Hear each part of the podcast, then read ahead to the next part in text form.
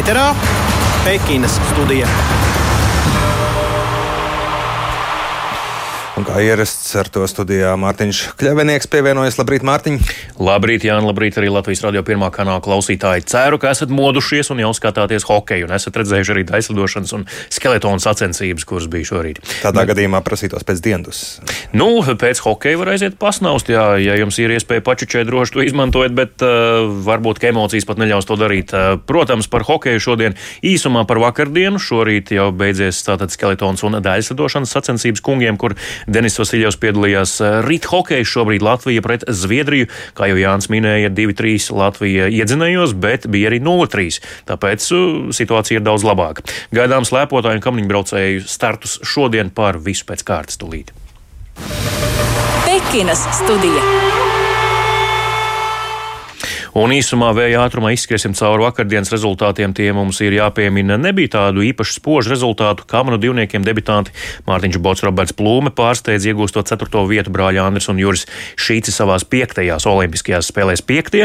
Vēl vakar Liena Bonda nefinišēja kalnu slēpošanas slalom otrajā braucienā ziemeļu divcīniekam Markusam Vinogradovam olimpiskajā debijā 44. vieta Roberts Krūsbergs Šorteka 1500 metros apstājās ceturtajā finālā Reins Bērziņš iekļuva B finālā viņam summā 15. vieta. Tas par vakardienu, bet tagad gan ķeramies klāt šodienai un uh, Pekinas studijai no Pekinas tiešraidē pievienojas Māris Bergs, kurš tieši šobrīd atrodas hokeja halē Pekinā. Labrīt, Māri! Labrīt, kolēģi! Labrīt, Latvijas radio klausītāji! Dzirdu, ka borti klaudz un kaut kas tev tur dun fonā, skaties spēlī. Kas šobrīd notiek? Jā, nu, cīņa ir pilnā spārā. Mūsējā rīpa dodas uzbrukumā, iemetuši mūsējā, ir iegājuši pretinieku zonā. Atkal cīņa gar bortiem, kā jau ļoti daudz visas šīs spēles laikā ir tādas divcīņas un cīņas gar bortiem. Nu, tagad tas viss turpinās mūsējā pa Zviedru aizsardzības zonu. Nu, tagad jau Zviedriem ir izdevies dabūt ripu ārā no zonas un atkal viss ir pārvests uz vidas zonu.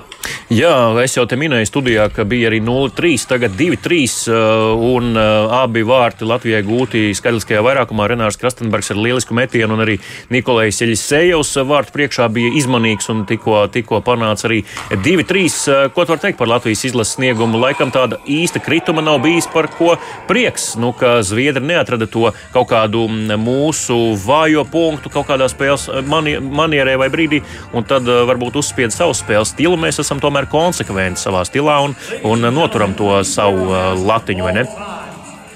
Es pat teiktu, ka mūsu spēle mača gaitā ir pat mazliet uzlabojusies. Gan piespēļu kvalitāte ir kļuvusi labāka, gan arī divcīņās izdodas vairāk dabūt ripas ārā no stūriem.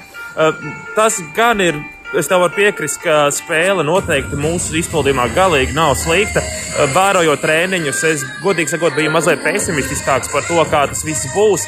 Taču Zviedri izskatās labi, un arī mūsējie nu, īsti neatpaliek. Jā, tie divi goli, kas sakrita Zviedriem, nu, divi bija, viens bija tāds, uh, otrais gols bija tāds veiksmīgs moments. Viņiem mazliet viņiem paveicās, mums nē. Ja Mārtiņa droši vien var pakomentēt, Ivars Punanovs met rīpu ārā pa stiklu, Zviedru, Zviedru uzbrucējiem izdevās to pārtvert, novirzīt rīpu uzreiz uz vārtu pusi. Nu, tas ir tas, ko vārdsargi teica, ka šeit stikli un borti neatlāts, līdz ar to izmest rīpas ārā vārdsargiem ir krietni grūtāk, un tur arī izveidojās šie momenti viņiem.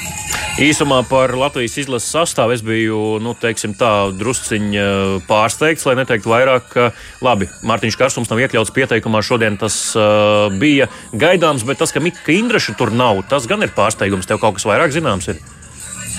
Nē, arī man nav nekas vairāk zināms. Treneru lēmums šajā situācijā pēc spēles jautāsim Harim, kāpēc šāds lēmums Jo, cik zinu no federācijas pārstāvjiem, kā viņi izteicās, tad eh, visiem hokeistiem ar veselību viss ir kārtībā. Tātad tas ir bijis treneru lēmums. Acīm redzot, eh, viņi šodien Mikam eh, vietu neredzēja sastāvā.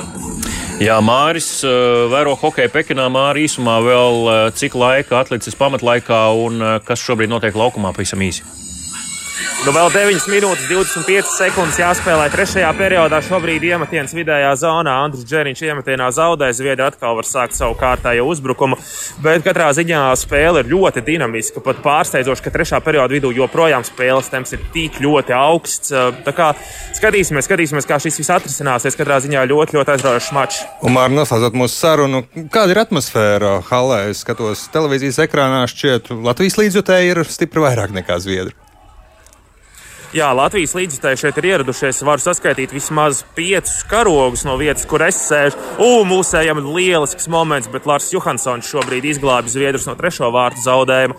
Bet, jā, Hallē pārtraukumos ir dažādas aktivitātes faniem, līdz ar to skatītājiem šeit ir arī iespējas izklaidēties. Spēļu laika, spēles laikā gan ir kāpa klusums, ja salīdzinām ar to, kā parasti iet arēnā Rīga. Paldies, Mārija! Māris Bergs no Pekinas vēro šobrīd hokeja spēli Latvijas-Zviedrija. 2-3 Latvija iedzinējos, bet, eh, kā jau tikko dzirdējām, bija iespēja panākt arī 3-3, un cerams, tas arī izdosies. Šobrīd eh, aptuveni 8,5 minūtes atlikušas, ko spēlēt eh, pamatlaikā. Līdz ar to turam īkšķus televīzija, kurā varat vērot šo spēli. Latvijas televīzijas pirmais kanāls.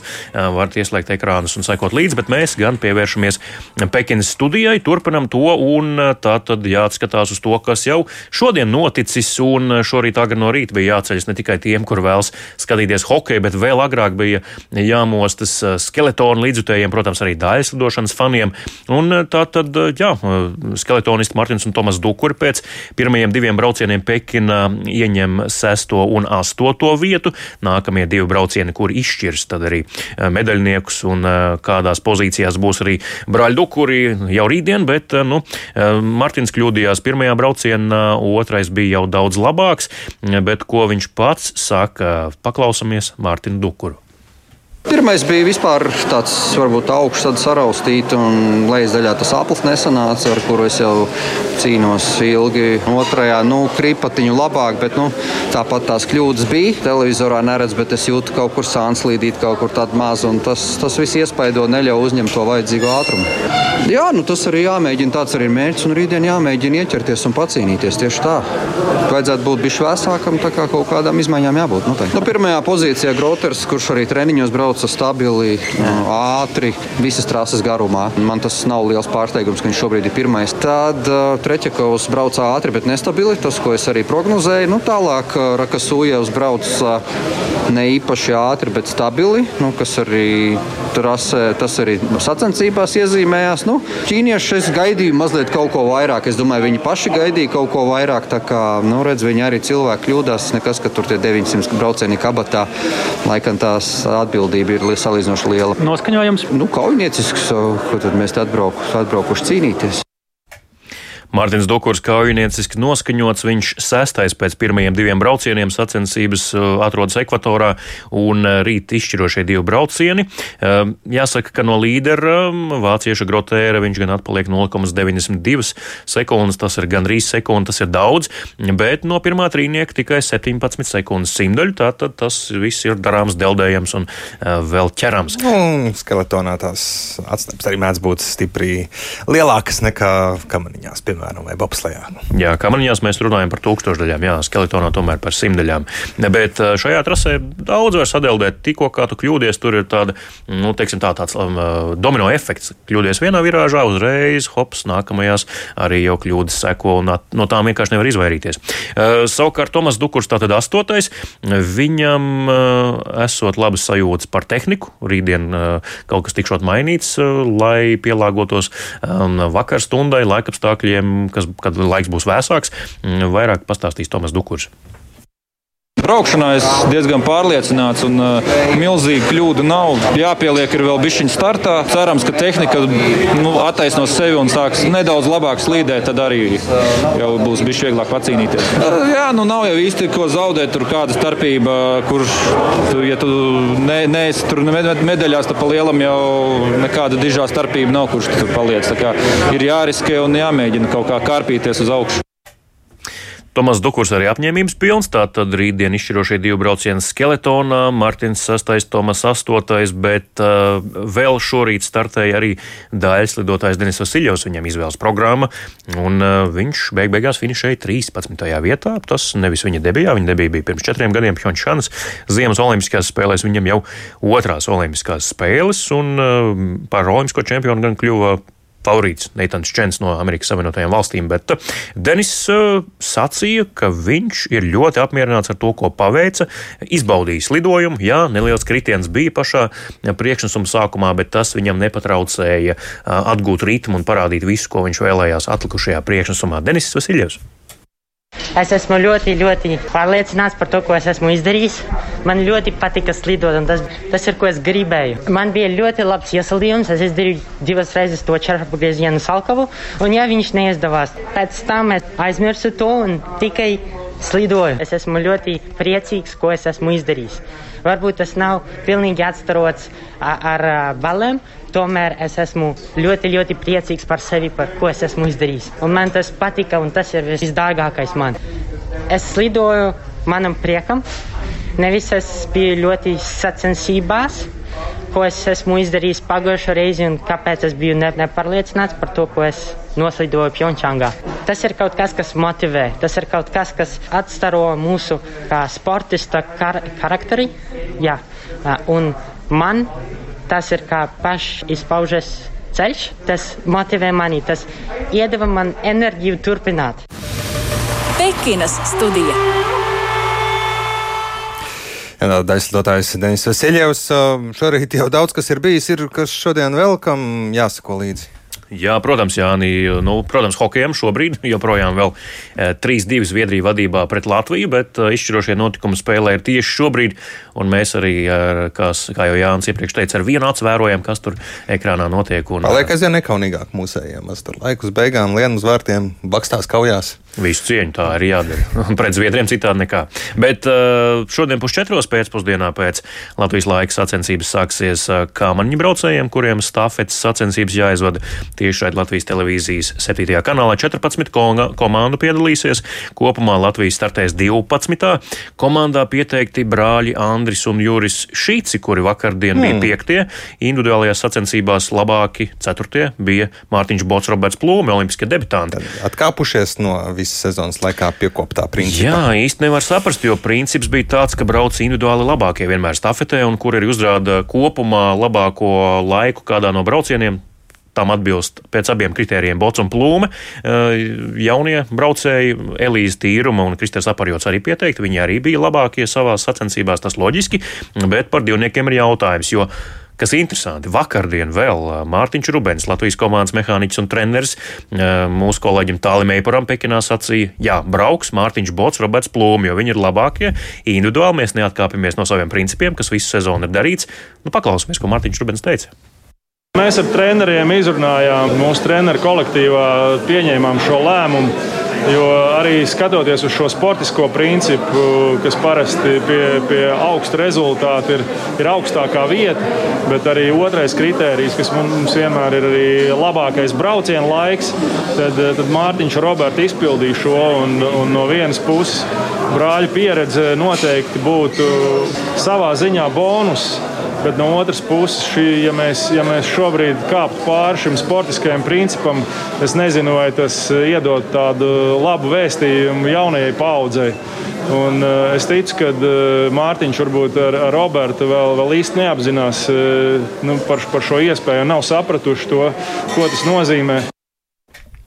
Jā, nu tālāk Mārtiņš Rūbenis, Latvijas eh, kamaniņu sporta izlases eh, treneris un mehāniķis. Eh, zīmīgi šie vārdi. Ja mēs atkāpsimies no saviem principiem, tad tas nedos labu signālu jauniem, bet vismaz pieteikums rāda, ka no principiem komanda tik tiešām ir atkāpusies un stāfetē pieteikta Andris un Jūras Šīts. Varbūt tā ir. Varbūt kaut... jaunie paši izrādījuši institīvu. Un te jau redzēsim, nost... Nu, jau pēc jā, laika varbūt uzzināsim. Noteikti noskaidrosim, jā, liksim arī kolēģiem, kuri ir Pekinā, tālim Eiparam visticamāk, kurš būs trasē to noskaidrot, jo šis ir svarīgs jautājums Kādēļ tā? Varbūt kāds savainojums, varbūt vienkārši citi apstākļi spiesti, tas tā ir noticis. Tam noteikti ir kāds izskaidrojums, to lūkosim arī. Varbūt kamaniņu saime grib tikt pie kādas medaļas tomēr Olimpiskajās spēlēs. Jā, jo nu, to arī Mārtiņš Rubens tikko teica, jā, ka tāds drošais variants būtu brāļi šīs, jo viņi brauc teorētiski labāk, drošāk. Tāpat laikā Viss rāda, ka vakardien labāk tomēr sacensību režīmā veicās Botam un Plūmēm. Neizdarīsim pārsteidzīgus secinājumus, nevienu neapvainosim uh, un neko neteiksim pirms laika. Noskaidrosim faktus un tad sacīsim jums, kā ir. Bet uh, par faktiem turpinot, tad šodien, pulksten 9 no rīta, tātad uh, jau aptuveni pēc pusstundas, nedaudz vairāk, sacensības Pekinā uzsāks slēpotājs 10 km distancē klasiskajā stilā. Šīs sacensības LTV 7 tiešraidē Latviju pārstāvēs, protams, līdzi līderi Patricija Eiduka. Arī viņa trasē dosies ar 15. numuru, pēc tam sekos Kitija Auziņa, 73. Samanta Krāmpe, 89. un Estere Wolfa, 16 gadus vecā olimpiskā debitante ar 92. numuru. Un, lai runātu par slēpošanu, un arī īpaši par Esteru Wolfu, esam sazvanījuši viņas māmu, Ievu Cederstrēmi Wolfu, kura arī ir piedalījusies divās olimpiskajās spēlēs 90. gados tiesa Biatlonā, un arī šobrīd trenē jaunos biatlonistus. Labrīt, Ieva! Jā, labrīt! Šodien meitai starts, nu, tas olimpiskais satraukums jau aiz muguras, jo vispirms viņa slēpes izmēģināja jau sprintā dažas dienas pirms šī starta. Kā jūs domājat, kā viņa jutīsies šorīt? Var, varbūt jau esat sazinājusies, kā viņa jūtas? Nu, nē, mēs tā kā pirms starta netraucējam bērnu, sazināmies kādas četras reizes pa dienu, vēl pirms gulētiešanas, bet es domāju, jā, tas satraukums bija vairāk pirms sprintiņa. Bet neskatoties uz, uz to, šī ir ļoti grūta distance tajos apstākļos, kur viņa patreiz atrodas. Un to nenoliedz neviens sportists, ne, ne augstāka kaluma, ne zemāka kaluma, ka tiešām distance ir ļoti grūta un spēkus tur jāmāk ļoti pareizi sadalīt, lai, lai gūtu par to, um, par, parādīt savu labāko rezultātu kādas viņai līdz šim bijušas sekmes un cik viņai vispār parocīgs ir klasiskais stils un šī desmit km distance? Nu, klasisko stilu viņa jau tā kā no, no, no jaunības dienām apgūst, un principā mēs vispār pirmos trīs dzīves gadiņus slēpojām klasikā, tā kā, nu, tas nav svešs, bet uh, ir tie laika apstākļi un, un tās trasītes, kad var tā kā vairāk pagatavoties, un šajā sezonā sanāca vairāk, ka mēs sacentāmies, kā trenējāmies, un, un, un, un tad skatīsimies, kā būs. Jā, starptautiskās sacensības parasti slēpošanā, distanču slēpošanā notiek kalnos tas nav nekāds retums, arī Pekinā tā ir, bet notiek parasti kalnos, kur ir dabīgais sniegs, kur tā vide uh, ir tāda ar sniegu, sniegota un uh, nav mākslīgi uztaisīta. Pekinā savukārt, nu, tur ir kalni, bet kalni ir kaili, teiksim tā, un uh, tas sniegs ir sapūsts mākslīgs. Um, ko Ester ir sacījusi? Varbūt vairāk varat niansēs pastāstīt, kāda ir šī trase, kur tā grūtība, kur tas sarežģītības elements. Jā, nu tas pirmā sarežģītība bija tā, ka bija ļoti augsts, bija tie, bija pirmā, pirmās piecas vai, vai sāko, sākuma nedēļiņu bija tas ļoti lielais augstums, un tad nevarēja saprast, pa slēpēm nevarēja saprast neko, kā slīd un ko darīt, un ko mugurā vilkt nevarēja saprast, jo tur tika pilnīgi viss tika apģērbts, lai tikai nenosaltu treniņā. Uh, Un, un, un trases sarežģītības, jā, tur ir ļoti lieli kāpumi. Es saprotu, ap 350 metriem ir tikai, nu, divi, trīs kāpumi laikam ir uz apli. Tā kā, nu, jā, tas, tas, tā, olimpiskās trases vienmēr ir grūtas. Jā, gribētu arī pajautāt jums, kā mammai un arī sporta profesionālai, 16 gadīgs jaunietis, jūs meita dodas uz Olimpiskajām spēlēm. Ir dzirdēta arī kritika, ka varbūt tik jaunu sportistu nevajag tur sūtīt, jo tāpat viņi tur brauc, slēpo pa pēdējām vietām un kāda jēga. Ko tas dod tādam jaunietim 16 gados piedalīties šādā milzīgā sporta formā? Nu, Jā, nu, slēpošana nav tas uh, jaunākais sporta veids, kur, uh, kur jaunietis uh, var, var parādīt uh, ļoti labus rezultātus. Nu, varbūt kādos citos sporta veidos tas ir jā, tur jāiegulda milzīgs darbs, ir, bet uh, uz patreizējo brīdi ir tā, ka uh, kad ir tās meitenes un ir tās izcīnītās vietas, un, un kāpēc nepamēģināt tagad, kāpēc gaidīt vēl četrus gadus, kad es būšu stiprāka. Noteikti viņa būs stiprāka, uh, bet tur jau pazūd tā jaunatne ap gadiem 14, 16, um, tik, cik, um, tik, cik mēs stipri esam, esam, mūs jau neviens nepabalsta, un tas tāpatās ir uz treneru entuzisma un, un, un vecāku, vecāku vairāk pieskatīšanas, un, un es domāju, ka tas tāds varētu būt eh, nu, labs motivējošs moments šī brīdī. Nu, ne tikai viņai, bet arī pārējiem jauniešiem tiekties uz to. Ka viņi redz, jā, ka tas ir iespējams, ka viņi jau tagad ir Olimpiskajās spēlēs kļūstot, nobriestot un kļūstot vēl spēcīgākie, viņai arī būs izredzes par kaut ko pacīnīties Olimpiskajās spēlēs. Jūs, kā divkārtēji olimpieti, piedalījāties 1994. un 1998. gada Olimpiskajās spēlēs gan Bietlonā, bet tomēr arī jāslēpo bija tāpat kā meitai šodien. Kādu padomu devāt viņai kā debitantei? Nu, es devu padomu sakarā ar, ar viņas jaunību, kad, kad viņa tomēr, ja arī paskatījos, viņa tiešām ir pati jaunākā slēpotāja vispār jā, no visām jā. meitenēm, kas patreiz piedalās un teica, bērniņ, tev vēl viss priekšā, bet, protams, viņa arī uztraucās par to, kad par savu vietiņu, par savu sniegumu, neskatoties uz to, kad, kad, nu jā, kad viņai nav tā, tās pieredzes tādas, tik un tā viņai atbildības sajūta ir, ir ļoti liela, pat varbūt lielāka nekā vajadzētu to patreiz parādīt. Jā. Tā lūk saruna ar kādreizējo biatlonisti Ievu Cederštrēmu Wolfu. Tāpat uh, arī šobrīd biatlona treneri, bet viņa ir arī Esteras Wolfas distanču slēpotājs māma, kura šodien piedalīsies 10 km distancē klasiskajā stilā Pekinā. Paldies Ievu par šo sarunu, lai meitai veicis! Jā, paldies! Jauku dienu! Līdz ar to noslēdzam šo sarunu un tuvojamies arī Pekinas studijas noslēgumam, bet Jānis, es redzēju, ka tu tikko saķēri galvu. Kas tas ir? Nu, gandrīz, gandrīz 1,7 sekundes pirms spēles beigām Latvija-Zviedrija. Uh, Izstījās, ka Zviedru vārdsargs ir pazaudējis, kur ir ripa, bet nu, kaut kur viņam tā ekipējumā viņa tomēr bija palikusi un līdz vārtiem nenonāca. Tā kā mm, Latvijai pirmā spēle noslēgusies ar zaudējumu rezultāts 3-2 Zviedrijas labā. Jā, diemžēl zaudējums pamatlaikā, bet cīņa nudien visu cieņu par to Latvijas hokeistiem, ka turējās un nesalūza, jo bija, kā jau minēja, arī 3-0 Zviedrijas labā.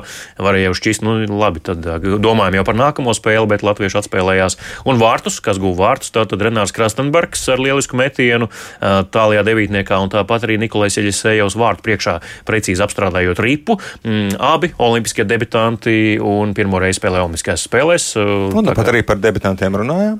Jā, arī par debitantiem tikko runājām. Tas tematiski atgādinām, ka šodien tātad starti vēl um, 9 no rīta pēc pusstundas uh, slēpotājām, distanču slēpošanā 10 km klasiskais stils LTV 7 tiešraidē pus, 4 pēcpusdienā kamanu stafete, tur Latvijai pamatotas cerības uz medaļu.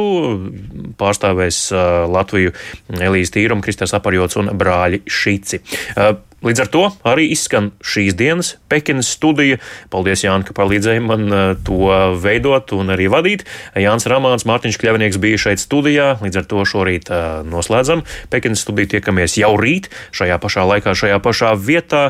Atgādinu, ka Pekinas studiju meklējiet arī Latvijas radio mājaslapā, arhīvu sadaļā, tāpat arī raidierakstu platformās, eh, meklētājā rakstot raidījumu piespēli.